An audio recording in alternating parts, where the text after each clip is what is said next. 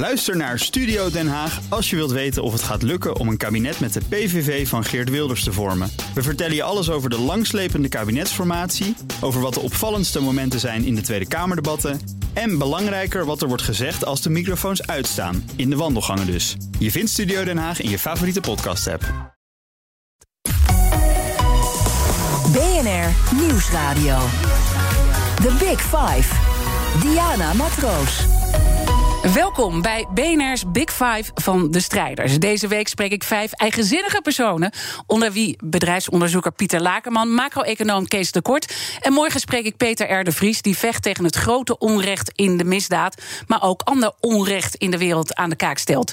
Eén ding hebben mijn gasten gemeen. Allemaal gaan ze door het vuur om te strijden voor dat hogere doel. En wij zijn heel erg benieuwd, wat drijft ze? Wat kost het ze persoonlijk? En hoe ver moet je anno 2021 gaan... om überhaupt dat belangrijke doel te bereiken. Vandaag is Jens van Tricht mijn gast. Als directeur van Emancipator zet hij zich in voor de emancipatie van mannen. Want, zo zegt hij, een eeuw vrouwen-emancipatie heeft de vrouw tot op zekere hoogte bevrijd. Maar de man is nog steeds met handen en voeten geketend. Jens, welkom. En je moet meteen lachen door je eigen teksten. Ja, ja, ja, ja. Nou ja, mijn eigen teksten. Ehm, de man is nooit een tekst van mij. Ehm, want er zijn heel veel verschillende mannen. En het is heel belangrijk om dat voorop te stellen. En mannen zijn dan ook allemaal op verschillende manieren geketend. En Um, we zijn natuurlijk niet alleen geketend. Mannen zijn vaak ook heel erg bevoorrecht en machtig. En weet ik het, ja, ik begin gewoon naar mijn eeuwige monoloog weer. als trainer nou, heb je dat. Eh, als monoloog dan ga ik je natuurlijk onderbreken. Ja, heel graag. Ja, dan hebben we een goed, goed, gesprek. Nou, weet je, laat ik even met je beginnen uh, persoonlijk. Want hoe vaak heb je deze week aan een ander gemerkt dat je een man bent? Want dit gaat over beeldvorming. Ja, weet je. Um, dat is een beetje raar. Ik weet niet zo goed wat het betekent om te merken dat ik een man ben. Um, maar ik ben natuurlijk een soort professioneel man. Dus uh, dit is nu de derde keer deze week dat ik uh, geïnterviewd word. Over man zijn, mannen-emancipatie, mannelijk en mannelijkheid en dat soort dingen. Um, daarnaast ben ik als directeur van Emancipator veel aan het werk geweest met mannen en vrouwen en mensen die zich niet in die tweedeling thuis voelen.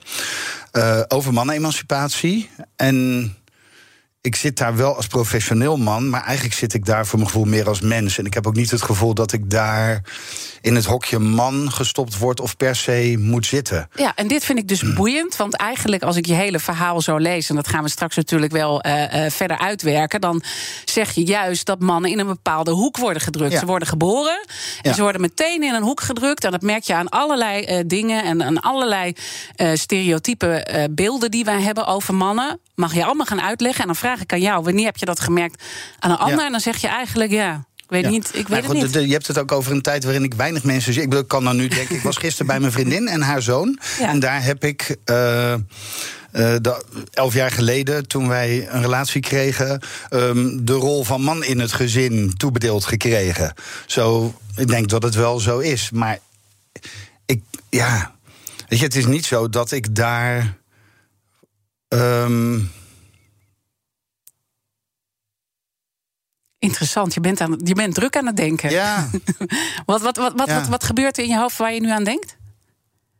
Um, nou ja, weet je, ik zeg aan de ene kant, zeg ik, ik ben, er was daar een rol vakant, namelijk die van man in het gezin. Hè? En we wonen niet samen, we hebben een latrelatie, dus ja. we hebben ieder ook ons eigen huishouden. En dat is maar goed ook, vinden we allebei. Mm -hmm. um, en dat heeft hier misschien ook wel mee te maken, dat we heel verschillend zijn in opvattingen over huishouden en inrichting en stijl en weet ik het. Um, en toen was er een, een vacature nou ja, je, voor man in het gezin. En wat, wat was ja, die nou vacature ja, dus als dan? ik bij hun ben, dan heeft zij de regie over het gezinsleven met haar zoon. Ja. En dan ben ik daaraan toegevoegd. Dus over het algemeen, gisteren, zij had bedacht wat we gingen eten. Zij heeft daarin de regie. Ik help mee. Uh, en ik help uitgebreid mee, want daar heb ik uh, uh, natuurlijk eer in. En daar heb ik werk van gemaakt. En dat is niet de traditionele invulling van het man zijn wat jij aan de kaak stelt. Het, is, nou ja, het is niet zo dat ik daar thuis kom en de krant ga lezen en vraag waar zijn mijn pantoffels. Maar dat is natuurlijk een heel archetypisch ouderwets beeld, wat, wat denk ik steeds minder voorkomt. Weet je wat het misschien wel is? Dat vind ik interessant. Ik vind het een leuke vraag waar ik over na zit. Ik denk namelijk dat Kijk, ik zeg heel graag dat mannen eigenlijk altijd bezig moeten zijn met hun mannelijkheid bewijzen. Maar ik weet ook dat de meeste mannen niet het gevoel hebben dat ze dat doen. De meeste mannen zijn gewoon bezig met dat te doen wat het leven van hun verwacht, de mensheid van hun verwacht, eh, wat ze van, eh, zelf van zichzelf verwachten. En dat is ingekaderd wel door scripts, rollen die we aan mannen hebben voorgeschreven. Mm dus, maar ze zijn niet bezig van, oh jee, ik moet wel mijn mannetje staan. Soms komt dat naar boven en dan benoemen we dat zo. Maar ze zijn gewoon bezig met kostwinner zijn of gamen. Of, uh, ze denken er niet over na, maar jij vindt er wel wat van. En ik denk dat het gewoon heel erg interessant is om meteen maar de kettingvraag erin te gooien. Ja. Want uh, uh, je zal bepaalde weerstanden natuurlijk herkennen. En dat bemerkte ik ook een beetje bij mijn gast uh, van gisteren. Longarts en anti-tabakslobbyist Wanda de Kanter. Die natuurlijk haar eigen strijd voert hè, in die hele sigarettenindustrie. En zij had deze vraag voor jou. Voor mij is die hele wereld één grote mannenwereld. Mannenbolwerk. VNO-NCW, VVD. Het zijn allemaal mannen. Die, ik, ik kom allemaal vrouwen tegen die, die, die vinden dat het op, op moet houden. Dus is mannen-emancipatie nodig? Ja, is het nodig, Jens? Ja, het is nodig, maar dan gaat het over het woord. Ik ben het helemaal met, uh, met Wanne de Kanter eens. En dat is precies waarom uh, wij mannen-emancipatie uh, proberen te bevorderen. Omdat dat voor ons, ons niet gaat over. Hè, nu worden mannen onderdrukt en ehm, moeten we dezelfde beweging gaan maken als vrouwen. Nou, eigenlijk moeten we precies de beweging andersom gaan maken.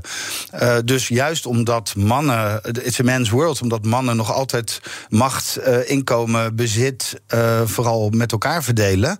Um, moet, uh, moet die rol van mannen gaan veranderen. Mannen hebben een belangrijke bijdrage te leveren aan emancipatie van vrouwen. Vrouwen hebben ontzettend hard aan de weg getimmerd en zichzelf een dubbele belasting uh, op de hals gehaald of driedubbel. En toegang bevochten tot politieke besluitvorming. Ja, want eigenlijk zeg je dat uh, vrouwen ja. meer vrijheid hebben gekregen door de emancipatie. En dat het nu tijd ja. wordt dat dat ook voor mannen gebeurt. Ja, weet je, als mannen niet meebewegen, dan dan los je het natuurlijk niet op. Dus mannen hebben daaraan bij te dragen. Mannen zullen macht, inkomen, bezit, status, privileges moeten gaan delen. Maar mannen moeten dan dus ook hun verantwoordelijkheid gaan nemen in traditionele vrouwendomeinen. Dus in zorg, in uh, onbetaalde arbeid, in kinderopvang, uh, weet ik het. Ja, dus zonder ons... die mannen kunnen, kunnen de vrouwen die emancipatie niet uh, voltooien. Klopt dat? Is dat het, is, vat ik je goed samen? Ja. Maar volgens mij snijd je ook een ander stuk aan. Uh, mannen ja, dus uh, worstelen ook ja, met hun rol in deze twee elementen die heel belangrijk zijn aan, mm -hmm. aan mannen-emancipatie. Maar het begint echt met dat mannen die bijdrage moeten leveren aan die eerlijke verdeling. Uh, Anja Meulenbelt heeft emancipatie benoemd als eerlijk delen en niet slaan. Nou, dat gaat dan dus ook over mannen. Dat gaat niet, ik bedoel, hè, wie moet er anders eerlijk delen? Vrouwen kunnen zich, zoals onze premier graag zegt, invechten in de mannenwereld ja. en aanpassen aan de mannenwereld. Maar uiteindelijk moet die mannenwereld gaan veranderen. En gelukkig wordt de laatste jaren steeds duidelijker, en dat is eigenlijk ook niet nieuw, dat heeft, is ook vanuit de vrouwenbeweging door de eeuwen heen al vaker aangegeven. Mannen betalen ook een prijs voor die traditionele mannelijkheid. Mannen zitten ook in een keurslijf dat hun beperkt in het ontwikkelen van hun menselijkheid. Hè. Um, um, ja, dus ja, mannen, worden, mannen ik, worden er ook beter van. Ja. Ik, ik, ik, ik, weet niet, ik heb een boek geschreven waarom feminisme goed is voor mannen. Uh, maar eigenlijk is de conclusie tweeledig. Feminisme heeft mannen nodig voor een betere wereld. Maar mannen hebben feminisme nodig voor een beter leven om en meer dit, mens zijn. Dit vind ik dus uh, uh, boeiend, meer mens te mogen zijn. Want wat is dat dan uh, waar mannen, en dus ook jij, want je bent een ja. man... mee worstelt in deze tijd waarvan je zegt... wij moeten ook bevrijd worden? Ja. Mm. Ja, om, om te voorkomen dat ik meteen in allemaal clichés kom, maar de, de, daar gaat het vaak wel over. En mannen mogen niet huilen, dat is zo'n cliché wat je altijd hoort. Ja. Um, maar je, eigenlijk, we beschikken allemaal over 100% menselijke eigenschappen. Um, maar vanaf de geboorte wordt ervoor gesorteerd dat mannen blauw moeten zijn en vrouwen roze. Dat mannen sterk en stoer en kostwinner en seksueel actief en uh, rijk en succesvol en voetbal en bier en weet ik het. En seks uh, leuk moeten vinden. En vrouwen moeten lief en zorgzaam en mooi zijn en make-up en kinderen baren en weet ik het. En dat zijn bijna twee heel tegengestelde verzamelingen van menselijke eigenschappen. Um, maar daarmee worden we als mens dus gehalveerd in ons menselijk potentieel. De helft van je talenten mag je eigenlijk niet ontwikkelen. Voor vrouwen is daar wat in veranderd. In de afgelopen meer dan 100 jaar hebben vrouwen. Uh, zijn die zogenaamde mannelijke eigenschappen in zichzelf gaan ontwikkelen en inzetten. Die waren hard nodig, die zijn hard nodig om je in te vechten in die mannenwereld. Maar er zijn nog maar heel weinig. Uh, mannen die op die manier. Mannen uh, geweest die op die manier met vrouwelijke eigenschappen. En je geeft dan een keer een, uh, een voorbeeld, las ik, dat ehm, meisjes mogen intussen dromen om astronaut te worden. Ja. Maar een jongen mag niet dromen om verpleegster te worden, want dan ben je een mietje. Ja, nou ja, jongens mogen sowieso, dat is les 1. Jongens mogen niet vrouwelijk zijn, jongens mogen geen mietje zijn. Mietje, gay, sissy zijn de meest gebruikte scheldwoorden om jongens in de kast te houden. Mm -hmm. Want eigenlijk zitten alle jongens en mannen in de kast ja. van mannelijkheid. En dan zeg je tegelijkertijd, als ik uh, jouw boodschap ook goed lees en de stukken die ik heb gelezen, dan, dan zeg jij van eigenlijk dat we dat doen. Dat we die mannen meteen vanaf de geboorte in een soort mannelijkheid drukken. Winnaar, kostwinnaar, uh, stoer, uh, you name it, dat hele lijstje. dat ontmenselijkt mannen, zeg jij. Ja. En je vraagt ze geweld te gebruiken tegen zichzelf, tegen andere mannen, tegen vrouwen en tegen kinderen. En dan benoem je een heel lijstje met problemen. Kijk maar naar de problemen in de wereld. Allemaal veroorzaakt door mannelijk gedrag, agressie, radicalisering, oorlog. Gaat het zover? Ja, zover gaat het wel. En ik denk, de lijst is nog veel langer. Ik heb vanmorgen nog weer even gekeken in verband met de kettingvraag voor straks. Uh, naar een, uh, een column die uh, hoogleraar sociologie Jan-Willem Duivendak alweer elf jaar geleden schreef in de Groene Amsterdammer. Ehm, de Groene had een heleboel uh, vooraanstaande uh, mensen gevraagd om te benoemen wat zij het grootste sociale probleem uh, in de wereld vonden. Jan-Willem Duivendak zei heel duidelijk dat is mannelijkheid. Want het moeten bewijzen van mannelijkheid ehm, draagt bij aan al deze problemen en nog veel meer. En als je dan dat punt van agressie bijvoorbeeld benoemt, hè? Ja. Merk je dan dat je daar zelf ook mee worstelt? Dus dat jij um, ergens in een rol bent gedrukt als man. Ja. Dat je agressie ja, nee, zeker. Um, te veel op de voorgrond komt. Ja, um, waar zal ik beginnen? laat ik gewoon zeggen, ik heb ooit mijn zus een blauw oog geslagen. Dat is voor mij een keerpunt geweest in mijn leven. Daar waren jaren aan vooraf gegaan. Nou, eigenlijk als ik dan kijk naar mijn opvoeding. Ik was denk ik een heel gevoelig kind. Ik werd, kreeg van mijn vader te horen: je mag geen huilenbalk zijn. Um, dus drukte ik het huilen weg, maar werd ik driftig. Daar kwam de agressie. Dat lijk ik ook best op mijn vader. Die was geen agressieve man, hij was een heel rustige, beheerste man. Maar soms kon hij ontploffen. Hij heeft nooit fysiek geweld gebruikt, maar die boosheid-uitbarstingen die waren er en die ken ik van mezelf. Uh, dus ik heb me daar toe moeten leren verhouden. Die, dat blauwe oog is er zo een geweest. Ik ben en toen was je jong nog? Ja, toen was ik met tienerjaren. Ja. Um, en dat was een keerpunt voor jou? Ja, toen heb ik begrepen, dit is niet wat ik dit is niet wat ik. Dit is niet goed. Dit kan niet zo. Ik heb dat toen niet zo bewust. Maar ik heb gewoon dit. Ja, ik heb dat weggedrukt. Maar ja. toen, toen is mijn. Um, ik denk dat ik voor een heel deel in mijn hoofd ben geschoten. Was ook een boodschap die ik kreeg. Je moet redelijk zijn. He, dat was niet huilen, niet driftig, niet emotioneel eigenlijk, maar redelijk. Dus in je hoofd. Dat is ook een boodschap die denk ik veel mannen herkennen. Ook als ik het rationeel maar kan oplossen en hanteren, dan, ja. uh, dan kan ik ermee omgaan. Um, toen ben ik eigenlijk met mijn boosheid over de wereld... ben ik de kraakbeweging ingegaan. Ben ik als activist gaan strijden tegen allerlei onrecht. En toen kwam ik in een kraakpand te wonen met uh, een andere man en vier vrouwen. En daarin ging het elke dag over feminisme, over rolpatronen, over socialisatie. Um, daar werd voor mij duidelijk dat al die problemen waarvoor wij dagelijks op de barricade stonden, nou, veroorzaakt werden door mannen. In elk geval daarmee te maken hadden dat het ook altijd mannen, of meestal mannen waren die ervan profiteren. Maar ook dat.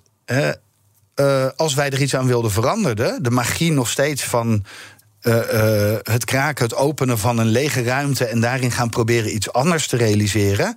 Dat riep natuurlijk de vraag: hoe gaan we dat dan doen? Want ik neem mezelf daarin mee. Mijn socialisatie, de boodschappen die ik heb gekregen over wat mij waardevol maken. Mhm. Wat mannen horen te doen, wat vrouwen horen te doen en wat we niet horen te doen. Dus daar is een proces begonnen van persoonlijke en politieke reflectie. In mannengroepen, in feministische groepen. En je bent ook vrouwenstudies gaan studeren. Vrouwenstudies gaan en daar studeren. heb je eh, gespecialiseerd. Dus dit heeft ook een bepaalde uh, wetenschappelijke basis die je eh, met je meedraagt. Hè? Ik bedoel, het is niet alleen maar nee, uh, vingerspitsengevoel. Misschien goed om dat ook even te benoemen. Ik ben 30 jaar met het onderwerp bezig geweest. En inderdaad lang aan de universiteit hiermee bezig geweest. Ik heb ook les gegeven over man en mannelijkheid. ik heb allerlei mannengroepen en, en uh, mannentrainingen en cursussen en workshops gedaan. Ik ben natuurlijk professioneel hier veel mee bezig geweest. Ik draai nu meer dan tien jaar mee in de wereldwijde Men Engage Alliantie. Dat is een beweging van, denk ik, zo'n duizend organisaties wereldwijd die dit soort werk doen. Dus Um, en het is interessant, ik zat gisteren nog weer. Oh ja, daar ben ik ook als man aangesproken. Interessant. Um, Kijk, want, nou komt hij. Ja, nou komt hij. Uh, de Stichting Seksueel Welzijn Nederland van, uh, van Ellen Laan, onder andere. Uh, hoogleraar seksuologie hier aan het. Ehm, wat is het? UMC. Hm? wat zei ze tegen je? Of wat gebeurde nou, er? zij had een groep mannen bij elkaar verzameld. Zij hadden, niet alleen zij, maar met haar collega's. Omdat ze merkte dat in hun werk er vooral vrouwen zijn die met dat thema bezig zijn. En um, dat het belangrijk is dat mannen er ook mee zijn. Dus wij zaten met een groep van acht mannen in gesprek over wat mannen kunnen bijdragen aan uh, meer seksueel plezier voor allebei. Ja. Een eerlijke verdeling, hè? want het gaat ja. natuurlijk over de enorme ongelijkheid die er op seksueel gebied is. En wat was de eye-opener uh, daar in dat gesprek? Nou, er was iemand. Um, die bij Rutgers werkt en ook heel internationaal. En hij zei: Ja, ik heb eigenlijk een lijst van twintig uh, genderstereotypen in mijn hoofd of, of ergens opgeschreven. die ik over de hele wereld tegenkom. Zijn eigenlijk altijd dezelfde. En nou ja, dat, dat kwam heel erg overeen met wat ik heb ervaren in die 30 jaar. Maar wat eigenlijk ook al in de jaren 80 volgens mij in Nederland door vanuit de mannenhulpverlening, we moeten zo stoppen zeker, benoemd is als mannelijkheid. Ja, je ziet mij met dat vingertje omhoog. Ja. Laten we maar gewoon doen, goed. want uh, dan ja. weten mensen ook. Dus ik denk dat er een zekere mate van waarheid in zit. Nee, ja. The Big Five. Diana Matroos. Ja, we hebben allemaal tunes hier. Dat is goed hoor. Ik weet het. Ik zit in de format. Even, even gewoon die onderbreking. Even ik vind het helemaal goed. Maar ik had dinsdag werd ik dus geïnterviewd. Of gaan we alweer door? Ja, nee, ik ga, ik ga even door als je het goed vindt. Ja, gaan we door. Ja, gaan we door ja. Uh, want uh, dit is BNR's Big Five van de strijders. En ik uh, praat met mensen die strijden voor een hoger doel. Mijn gast vandaag is Jens van Tricht. Want dan weten mensen ook even naar wie ze luisteren. Directeur van Emancipator, Organisatie voor Mannen-Emancipatie. Nou, je hebt uitgelegd een beetje waar jouw strijd vandaan is gekomen. Dat is al heel erg vroeg begonnen. En uh, je hebt ook een beetje die ontwikkeling uitgelegd. En in de tijd waarin we nu staan, dat het echt tijd wordt om ook aandacht te besteden aan mannen-emancipatie. Ten gunste van de vrouw-emancipatie, maar ook voor de man zelf. Zodat ze een beter uh, leven kunnen krijgen. Merk je nou, krijg je veel weerstand op dit onderwerp? Mm. Nou ja, de reacties die ik nu hier vanmorgen gehoord heb, die komen bekend voor. En van de ene kant vrouwen die zeggen: hoezo nou uh, mannen-emancipatie? Mannen hebben al de hele wereld. En mannen die zeggen: hoezo emancipatie? Dat gaat toch over vrouwen? Uh, je hebt ook mannen die zeggen: hoezo moeten wij onze mannelijkheid bevragen? We mogen al geen echte man meer zijn. Uh, we moeten weer terug naar de jaren 50 of naar de jaren 20 of naar de oertijd. We zijn ja, nu eenmaal ja, was zei even grappend ja. vanochtend Bas van Werven van: hey, ga jij de afwas even doen tegen mij? Hè? Ja, ja, ja. ja. Nou, ja goed, ja. Dat soort lekker grapjes terug naar vroeger. De bekende precies. grapjes, ja. ja. Uh, maar, maar als je nu naar mannen. Uh, krijg je die weerstand trouwens. Die krijg je dus van zowel vrouwen als mannen, hè? Heb je van één meer weerstand nou, dan van de ik ander? denk dat het heel goed is om te zeggen... Dat, kijk, wat wij met emancipatie doen... we zijn geen mannenorganisatie, we zijn een emancipatieorganisatie... die eigenlijk is voortgekomen vanuit de vrouwenbeweging... Mhm. die zich, denk de laatste tien jaar zeker... ook steeds meer tot een bredere emancipatiebeweging heeft ontwikkeld... waarin gender in bredere zin en allerlei gendervraagstukken... en LHBTI-vraagstukken een duidelijke plek hebben.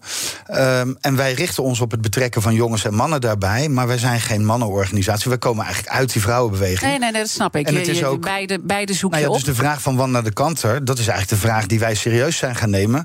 Zolang als ik hierin meeloop, heb ik te maken gehad met vrouwenorganisaties. Die zeiden: Goh, mannen, doe ook eens wat. We moeten iets Ja. met mannen laten we Maar we hebben ook veel doen. mannelijke luisteraars. En ik Ja. zit dan wel even te kijken van... eh, willen Ja. die mannen dit nu weten? Hè? Eh. Dus, dus eh, wat, wat, wat, wat, wat denk jij? Ik, zitten mannen nu met dingen, worstelen ze in deze tijd met dingen...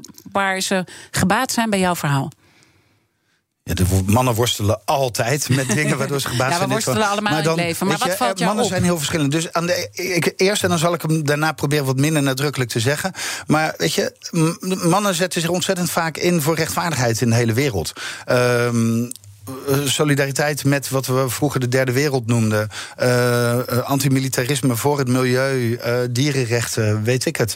Ehm, Terwijl je aan de andere kant zegt... alle grote problemen met eh, agressie... Ja. eh, Ja, maar eh, daar zetten ze zich allemaal wel oorlog. voor in. Ja, maar er zijn Ja. heel veel mannen die willen bijdragen aan een betere wereld. Ik, geloof dat mannen uiteindelijk heel goede mensen zijn en dat ze dat graag willen zijn. Ja, dat denk ik En ook, ja. Dus de, oproep, de oproep van vrouwen en vrouwenbeweging om deel van de oplossing te worden voor emancipatievraagstukken is gewoon een hele belangrijke oproep. En het zou fijn zijn. En gelukkig zie ik de laatste 10, 15 jaar steeds meer mannen die die serieus nemen en zich daaraan verbinden. Dus ik denk dat is de eerste. Ik hoop dat de luisteraars, dat er luisteraars zijn die denken: ja, jeetje, dat, dat, dat is zo. En dan voel ik me eigenlijk ook. Dus ik ga me aansluiten ergens. Ik ga. Ja. Nou ja, zo. Meld Ja. je bij ons. Bij maar, maar dat tweede deel is tweede gewoon ook deel- boeiend. Nou ja, weet je. Mannen leven minder lang. Mannen zijn vaak depressief. Mannen plegen vaker zelfmoord. Mannen verstoppen zich in eh, eh, allerlei soorten verslavingen. Mannen zijn in de praktijk vaak zorgmeiders. Het blijkt dat als mannen problemen hebben, dat ze zo lang bij hulpverlening wegblijven totdat het echt escaleert. En dan kan je het dus hebben over geweld, kan je het hebben over ontslag, kan je het hebben over dat je je huis kwijtraakt. Kan het zijn dat je echt ernstig verslaafd bent. Kan het zijn dat je zo depressief bent dat je zelfmoord pleegt. En we weten in deze corona-lockdown-tijd dat gezinnen extra onder druk staan. Maar dat betekent ook dat mannen ook extra onder druk sta- staan. En mannen zijn vaak degene die voor werk het huis uitgaan. Die naast het privédomein ook op een andere plek hun leven hebben. Het privédomein is vaak meer domein van vrouwen dan van mannen. Maar zou Dus- dat niet ook een doorbraak nu kunnen geven? Juist, hè? Want, want jij pleit ook ervoor dat eh, mannen meer die zorgtaken... en dat ze dat ook hartstikke goed kunnen. Hè? Ik bedoel, Ja. waarom zou een vrouw Ja. beter voor een baby kunnen zorgen dan een man? Hè? Dat kunnen vaders ook gewoon eh eh, supergoed. Ik bedoel, mijn man is echt een hele goede vader... en die neemt die rol ook heel serieus. Dus bij ons is het dat toch heel gelijk verdeeld. Maar jij schetst, dat is niet in heel Nederland zo, dat begrijp ik.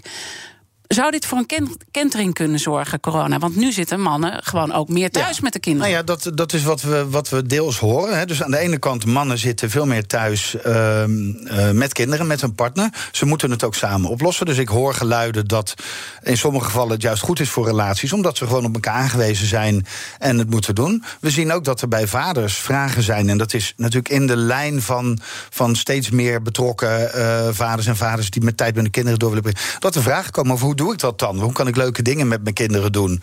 Ehm, maar ook hoe ga ik om met de spanningen die eruit voortkomen? Met het feit dat ik niet even stoom kan afblazen in de sportschool of in de kroeg met mijn vrienden. Ja, maar dat hebben vrouwen ook hoor. Ja, maar ik, dus ik ga niet Nee. ontkennen dat vrouwen dat Nee. hebben. En, en wat heel vaak in ons werk gebeurt, is dat er gezegd wordt: ja, vrouwen dragen hier ook aan bij. Vrouwen zijn ook deel van, eh, van, van de opvoeding van jongens, bijvoorbeeld. Maar weet je, er zijn al zo lang zoveel mensen die zeggen wat vrouwen moeten veranderen. De bal is wat emancipatie betreft al zoveel bij vrouwen ja, en dat moet eh, bij mannen eh het is belangrijk dat er ook naar mannen gekeken wordt. Ja, ik, ik ga je omwille van de vrouwen en om van de, Ja. omwille van de mannen. Ik praat eh, straks natuurlijk verder met eh, Jens van Tricht in eh BNR's Big Five van de strijders. Want je bent een strijder voor die mannen-emancipatie. En daarbij schaak je eigenlijk op twee borden. Hè. Zowel die vrouwen helpen, maar ook die mannen helpen. Want die wil je ook een beter leven geven. En ik wil dan toch van je weten hoe emancipeer je een man? Waar liggen de oplossingen? Ligt dat bij het onderwijs? Nou, al dat soort zaken. Dat gaan we in het tweede deel bespreken. En ook wat, ja, uiteindelijk blijven er natuurlijk toch biologische verschillen tussen mannen en vrouwen. dat dus, eh, ja, mm, tot zo. BNR Nieuwsradio. The Big Five. Diana Matroos. Welkom bij het tweede halfuur van BNR's Big Five. Deze week vijf bijzondere personen die strijden voor een hoger doel. Eerder deze week sprak ik daarover met Pieter Lakenman... die tegen financiële misdaden, uh, misstanden strijdt. Macro-econoom Kees de Kort, die zeer kritisch is... over het uh, overheidsbeleid uh, rond corona. En longarts Wanda de Kanter, die vecht tegen de sigarettenindustrie. Vandaag Jens van Tricht, bij mij te gast... directeur van Emancipator, een organisatie voor mannen-emancipatie... en auteur van het boek waarom feminisme goed is voor mannen. Zie je jezelf als strijder, Jens? Oh ja. Ja, um, vandaag wel. Om, ik zit in deze serie. Nee, natuurlijk, ik heb daar net al verteld. Mijn achtergrond uh, en hoe ik op dit pad ben gekomen. Uh, was er natuurlijk ook een van strijd. Wij streden tegen onrecht in de wereld en voor een betere wereld. Hè? In de kraak, maar dat doe ik natuurlijk nog steeds. ik wil het nuanceren, omdat ik. Het, het is interessant. Ik vind het woord strijd is eigenlijk ook weer zo'n woord dat erg met mannelijkheid geassocieerd wordt en met uh, uh, agressie. En Weet ik, het, en ik, ik koester de laatste jaren steeds meer een begrip dat ik ooit in mijn studie heb geleerd over wat bij de provo's vandaan kwam. Die hadden het over de lieve revolutie. Wat je kan lezen als lieve revolutie, maar ook als liever evolutie. En voor mij zit het daar allebei in, want we moeten wel heel radicaal fundamenteel dingen veranderen. Dus revolutionair zijn. Maar we moeten dat wel op een lieve manier doen. Die past bij ja, dat ideaal wat we nastreven. Je, bent, je bent uh, in jouw hele zoektocht ook daarin uh, ook heel erg geïnspireerd geraakt door de vrouwbeweging. Hè? Daardoor die ontmoette je in die krakersbeweging, kwam je eigenlijk in contact met die uh, vrouwbeweging. En wat zijn dan de dingen die die vrouwen in die tijd deden, die jou inspireerden om op dit pad verder te gaan en ook je benadering daarbij? Ja, ja. Um ik zie dan meteen allerlei bijeenkomsten vormen waarin op een heel persoonlijke manier politiek werd bedreven, waarop een heel vrolijke en ook kwetsbare manier strijdbaarheid was. Um, waar vrouwen zich inzetten voor verbetering van hun eigen levens en dat van andere vrouwen uh, en van de wereld. Vaak vanuit ook. Uh, de nadelige dingen die ze hadden ervaren mm -hmm. vanuit uh, het patriarchaat, vanuit mannen uh, als vrouwen. Dus beschadigd, gekwetst, weet ik het. Maar met een heel bijzondere veerkracht en, en levensvreugde. Ja. Um, en je noemt dan een paar ja. dingen die me toch opvallen. Hè? Ja. Uh, niet om flauw te doen, hè, maar je, je zegt lief, kwetsbaar. Ja dat is ook zo'n stereotyp beeld rondom vrouwen. Hè? Dus, want jij stelt het stereotype... het dus met, met veerkracht en strijdbaarheid. Ja. Dus voor mij, dus als ik dat dan anders zou... Voor mij... Um, ik, ik ben in mijn leven volgens mij veel vrouwen tegengekomen... die... Um, die, zoals ik in mijn boek zeg, meer mens geworden zijn. doordat ze uh, de zogenaamde mannelijke en vrouwelijke eigenschappen in hun leven zijn gaan ontwikkelen en combineren. En die allebei tot hun beschikking ja. hebben en in beheer hebben. En ik denk dat dat is waar mannen echt nog heel veel winst te behalen hebben. Uh, want je zei daarnet sterk, stoer en doortastend, geloof ik. Dat zijn natuurlijk op zich geen problematische eigenschappen. Nee. Dat zijn prima eigenschappen. Ze worden problematisch wanneer ze niet in balans zijn met andere eigenschappen die je als mens ook nodig hebt. En wanneer ze. Uh, uh, ook nog vaak overdreven moeten worden om maar te bewijzen dat je echt een man bent. Hè? Dus het beeld wat ik eerder heb geschetst van we hebben eigenlijk een heel palet van menselijke eigenschappen, maar je mag maar de helft zijn. Nou, dan sta je op één been, maar die ene helft moet je eigenlijk ook nog overdrijven en dan sta je dus uit het lood op één been. Dus die, die vrouw mag uh, wel op die uh, twee uh, delen intussen rusten dankzij door dankzij de vrouwenemancipatie, ja. maar ja. die man is daarin eigenlijk veel mannen staan, staan nog vooral op één been. Um, en gelukkig zijn steeds meer mannen schoorvoetend bezig dat andere been ook te verkennen. En wat merk je dan bij mannen in deze tijd, uh, waarin je merkt dat ze op één been staan en dat ze het lastig hebben?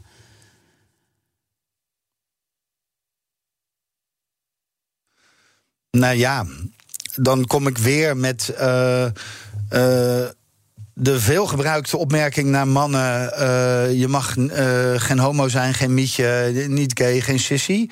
Um, dus dat mannen. Ja, dan kom je toch weer. Weet je, dat mannen eigenlijk niet hun kwetsbaarheid mogen uiten. Dat ze niet naar vrienden toe onzeker mogen zijn. Dat wanneer ze problemen hebben, dat ze daarmee rond blijven lopen tot ze het opgelost hebben. In plaats van daar hulp bij te vragen. Ehm, dat zijn allemaal voorbeelden waar, waaruit blijkt dat mannen er last van hebben.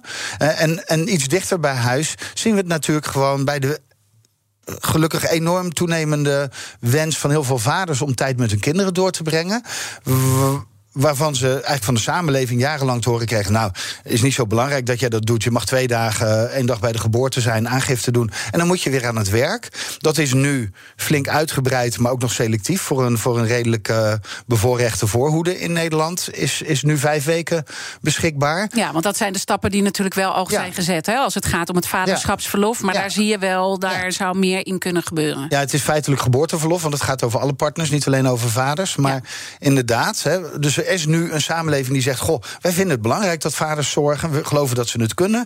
We willen graag dat ze dat gaan doen. Maar dan zie je ook nog dat heel veel mannen er tegenaan lopen dat hun werkgevers uh, dat niet stimuleren of niet zien zitten. Dat, dat, dat uh, familieleden, collega's, vrienden, broers, uh, sportmaatjes daar onwennig op reageren. Dan druk ik me zacht uit. Je kunt ook gewoon belachelijk gemaakt worden als je je carrière op het spel zet om met je kinderen te zijn. En uit onderzoek blijkt ook nog steeds dat mannen en vrouwen allebei denken dat vrouwen beter geschikt zijn om voor kinderen te zorgen. Dus terwijl die mannen het wel graag willen. Eh, en, en uitstekend dan, kunnen ook. Ja, ze kunnen het prima. Dat blijkt ook altijd. Meestal de mannen die ik in mijn omgeving zie, die, die zien dat we. Kijk, maar wat, dat wat ik fascinerend vind over mannen, mannen en vrouwen kunnen eigenlijk grosso modo dezelfde dingen even goed wanneer ze daar de kans voor krijgen. Wat ik heel erg fascinerend vind in deze tijd. Ik heb uh, zelf uh, jongens uh, thuis. Hè. Ik, heb, ik heb een man en ik heb twee jongens van 18 thuis. En ik vind het gewoon een fascinerende tijd.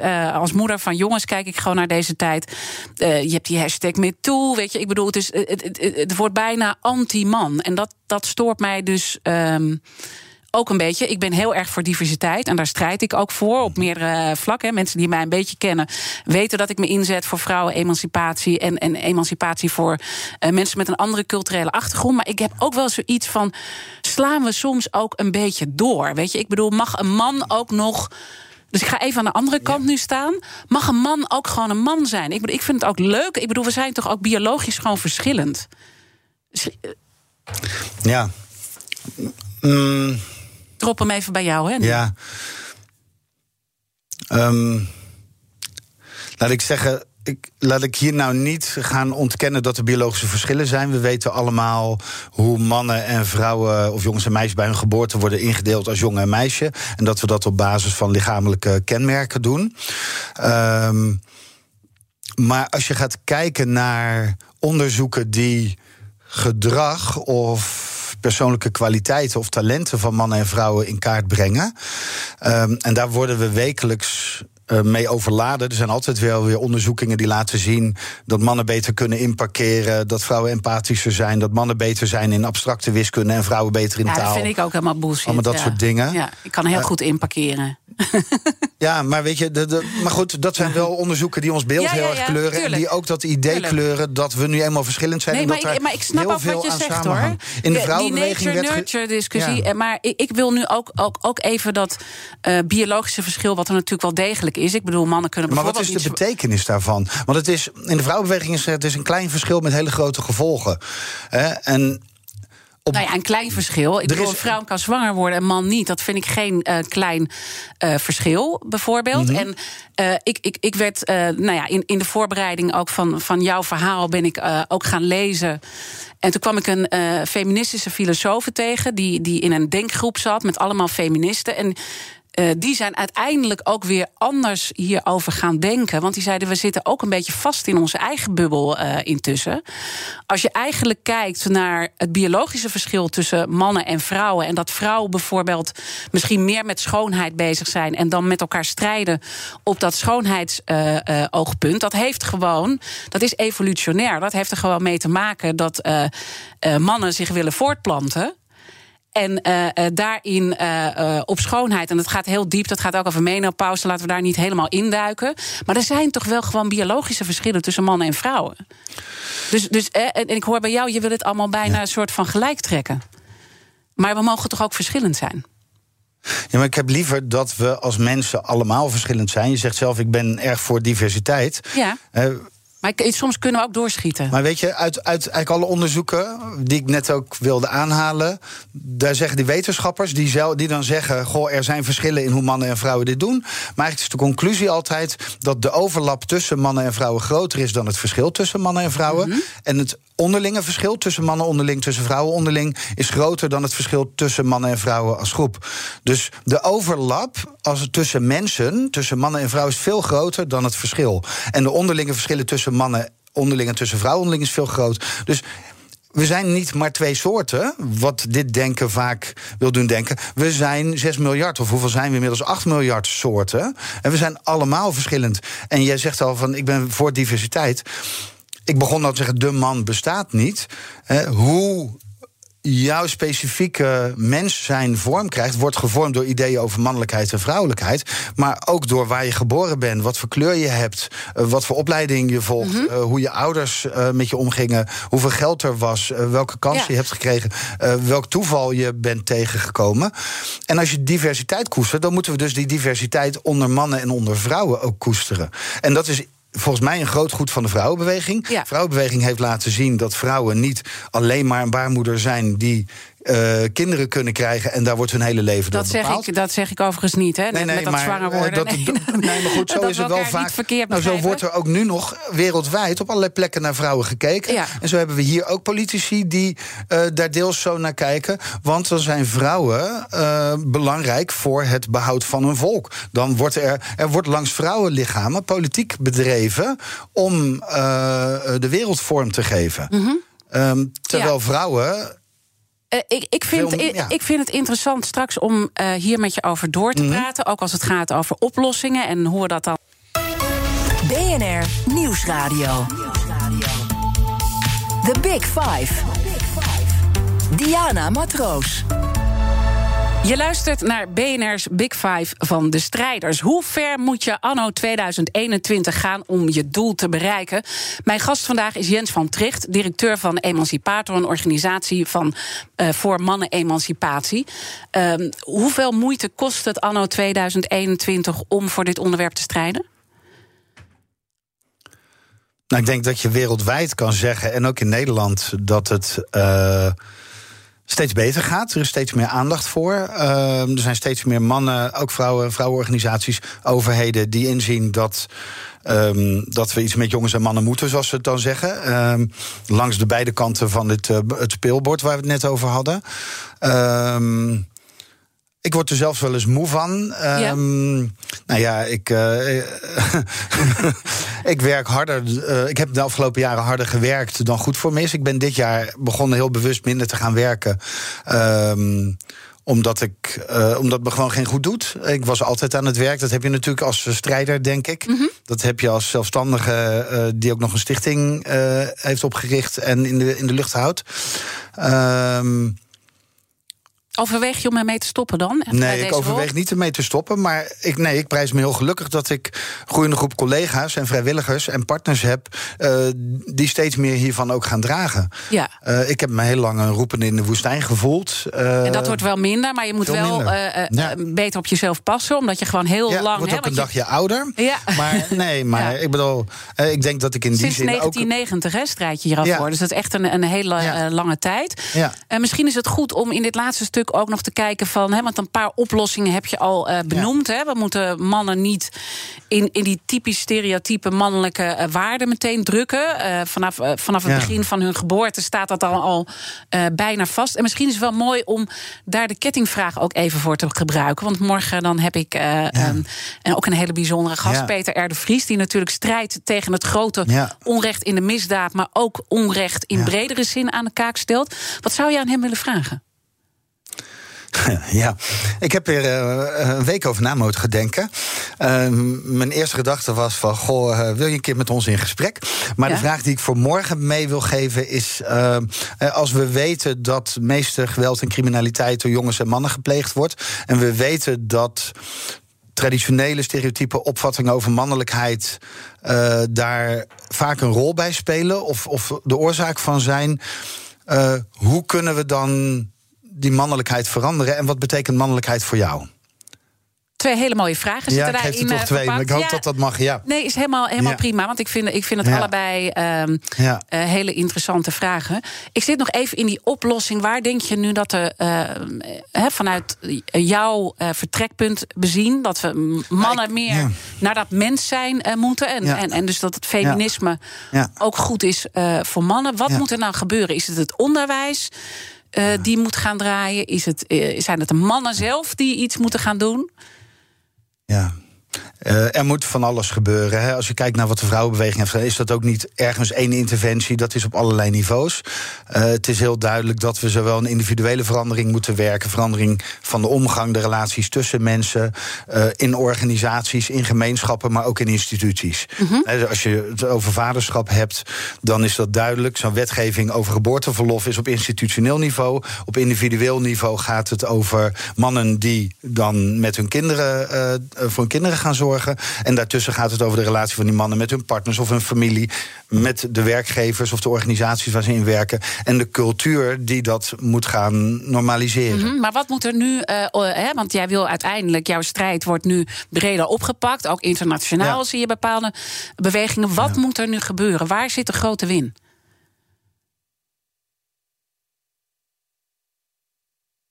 Kijk, stilte op de radio vind ik altijd Ja, heel mooi. je, want jij bent heel druk aan het denken. Ja, maar eh, Je- ja, deze vraag heb ik vaker gekregen. En ik denk van, goh, maar weet je, er is niet één antwoord. Dus we, wat een deel van het probleem is, is dat we even een quick fix willen. Dus trouwens ook een ding wat in die mannelijkheidscoderingen vaak bij mannen terechtkomt. En mannen zijn er om oplossingen eh, te doen. En stilstaan bij problemen en te accepteren dat ze er zijn, is best ingewikkeld. Dit is een probleem dat veel commitment en een lange adem nodig heeft. Mhm. En waar we wel mee moeten beginnen, misschien is dat een antwoord en ook nog een bruggetje naar wat je daar net zei. Ja. Ehm, we moeten, denk ik, vooral ophouden met te gaan denken dat het anti-man is om mannelijkheid te bevragen. Je, je noemde Ja. net dat, die anti-mansfeer. Maar ik denk dat het anti-man is om te denken dat. om mannen niet voor vol aan te nemen. Om te denken dat mannen nu eenmaal niet beter weten. Hè? Ach, de lieverd, hij wil het wel, maar hij kan het niet. Of boys will be boys. Hè? Eh, ze gedragen zich nu eenmaal zo. Ze vergrijpen zich nu eenmaal aan meisjes. Of ze doen nu eenmaal altijd stoer. Het is niet waar. Als je gaat kijken naar de werkelijkheid van jongens van mannen in deze wereld, dan zijn er jongens en mannen die van he- heel erg stereotyp stoer mannelijk gedrag houden. Er zijn er die van dansen en ballet houden. Er zijn er die van eh, ravotten houden. Er zijn er die van schaak houden. Eh, er zijn er die van eh, voor hun kinderen zorg houden. En meestal zijn mannen trouwens een enorme mix van die dingen. Dus mannen zijn eigenlijk ontzettend complex en mysterieus en tegenstrijdig. En dat moeten we gaan uitpluizen en voor vol aanzien op al die verschillende niveaus. Om te erkennen wat mannen als mens zijn. Want een heel, hele man is nog maar een half mens. Dat, dat, Ja. weet je, dat, en dat zullen mannen niet leuk vinden om te horen. En ik wil ze daar niet mee beledigen. Maar er, Er zit is- zoveel meer nou, in en- mannen, zeg ja, je en het, en het is niet nieuw. Weet je, de meeste mannen weten het. En ik benoem ook zoveel verschillende dingen, omdat ik weet dat mannen aan verschillende dingen aan kunnen haken. Mhm. ik, ik had dinsdag. Ik werd geïnterviewd, maar de interviewer die vertelde zelf een anekdote over een vriend van hem die. ehm, eh, waar de relatie van uit was gaan. En hij was eigenlijk depressief en onzeker, et cetera. Ehm, maar om dat te compenseren ging hij dus eh, lompe dingen over vrouwen zeggen tijdens het uitgaan. En dit verhaal dat kwam pas naar boven toen hij er naar vroeg. Omdat, omdat hij zich in, in de maatschappij waarin we leven... dus niet kwetsbaar eh, mag opstellen. Ja, hij zat enorm met zichzelf in de knoop Ja. en te worstelen. En die vriend heeft hem toen gevraagd: God, maar waarom doe je dit eigenlijk? Toen kwam dat hele verhaal naar boven. En toen hadden ze een gesprek over wat er werkelijk toe deed. Ja. Maar in hoeveel gevallen eh, gaat het eigenlijk gewoon zo door? Omdat we nu helemaal opgegroeid zijn in de wereld waar we denken dat het zo hoort. En als, dan, als we dit eh, eh, doen, dus die stereotype beelden wat meer loslaten... en zien dat mannen veel meer zijn dan de typische stereotype beelden... die... ehm, ik heb overigens die stereotype beelden niet. Want ik vind dat mannen kunnen huilen. En weet je wel. Maar goed, ik, ik snap dat sommige mensen dat denken. Stel dat we daar eh, van afgaan. En, en, en mannen daarin anders benaderen. En mannen ook zelf durven die openheid te zoeken die jij zegt dat ze zouden moeten zoeken en ruimte voor zouden mo- moeten krijgen. Krijgen we dan een betere wereld? Krijgen we dan minder agressie waar je eerder op wees? Krijg je Ja. dan mannen die zich, zoals jij zegt, overschreeuwen op, eh, Ja. ten opzichte van elkaar in het bedrijfsleven? Je bedoelt, sorry, wil je de vraag nog een keer stellen? Want Nou. nu, de- bij die laatste raakte ik in de war. Nou, je, je zegt ook eh, mannen die eh, overschreven zichzelf en elkaar. En dat Ja. eh, zie je bij politici, dat zie je in het bedrijfsleven. Dat is Ehm, wat er vaak verwacht wordt. Ja, En, en, en, en je ziet meer agressie als het gaat om oorlogen waar mannen. of, of, of, of de misdaad waar je Peter R. de Vries een vraag over wil stellen. Als we dus doen wat jij ons als boodschap meegeeft, wordt de wereld daarin beter, veiliger. Ja, weet ik wel zeker. Dus dan, dankjewel. Ik ga nog even mijn boek promoten. Want waarom Ja, feminisme ja. goed is voor mannen... eindigt met de conclusie dat als mannen meer mens worden... dan verbetert hun relatie met zichzelf. Omdat ze meer zichzelf mogen zijn in alle opzichten. Met andere mannen, omdat die verhouding dan echt wezenlijk verandert. Ze niet meer per se een mannetje hoeven te staan... en ook niet bang voor elkaar hoeven te zijn... en dus zichzelf als mens kunnen delen de verhouding met vrouwen verbetert. En vrouwen in het algemeen, niet in eerste instantie alleen met partners, maar in het algemeen. Omdat we die eindelijk dan als gelijkwaardige wezens kunnen gaan zien. Waar we ook van kunnen leren, waar we voorbeeld aan kunnen nemen. Waar we gelijkwaardig kunnen optrekken. De verhouding met kinderen verandert enorm. Ik bedoel, dat is duidelijk met dat vaderschap. En daarvan geven vaders ook allemaal aan dat het zo'n rijkdom is. En Ja. dat, dat Dus ze dat nooit hadden dingen willen die missen. uiteindelijk kunnen verbeteren. En uiteindelijk met En- de wereld, Ja. natuurlijk. Omdat we op die manier bijdragen aan een betere wereld. En we kunnen onszelf daar niet los van zien. Zo.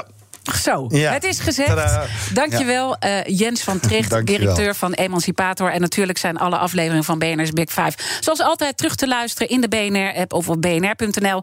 Eh, maar straks Iwan Verrips natuurlijk eerst met eh, BNR Breekt. En ik wens iedereen een hele mooie Ook Diana Matroos vind je in de BNR-app. Ja, inderdaad. Je kunt live naar mij luisteren tijdens de Big Five.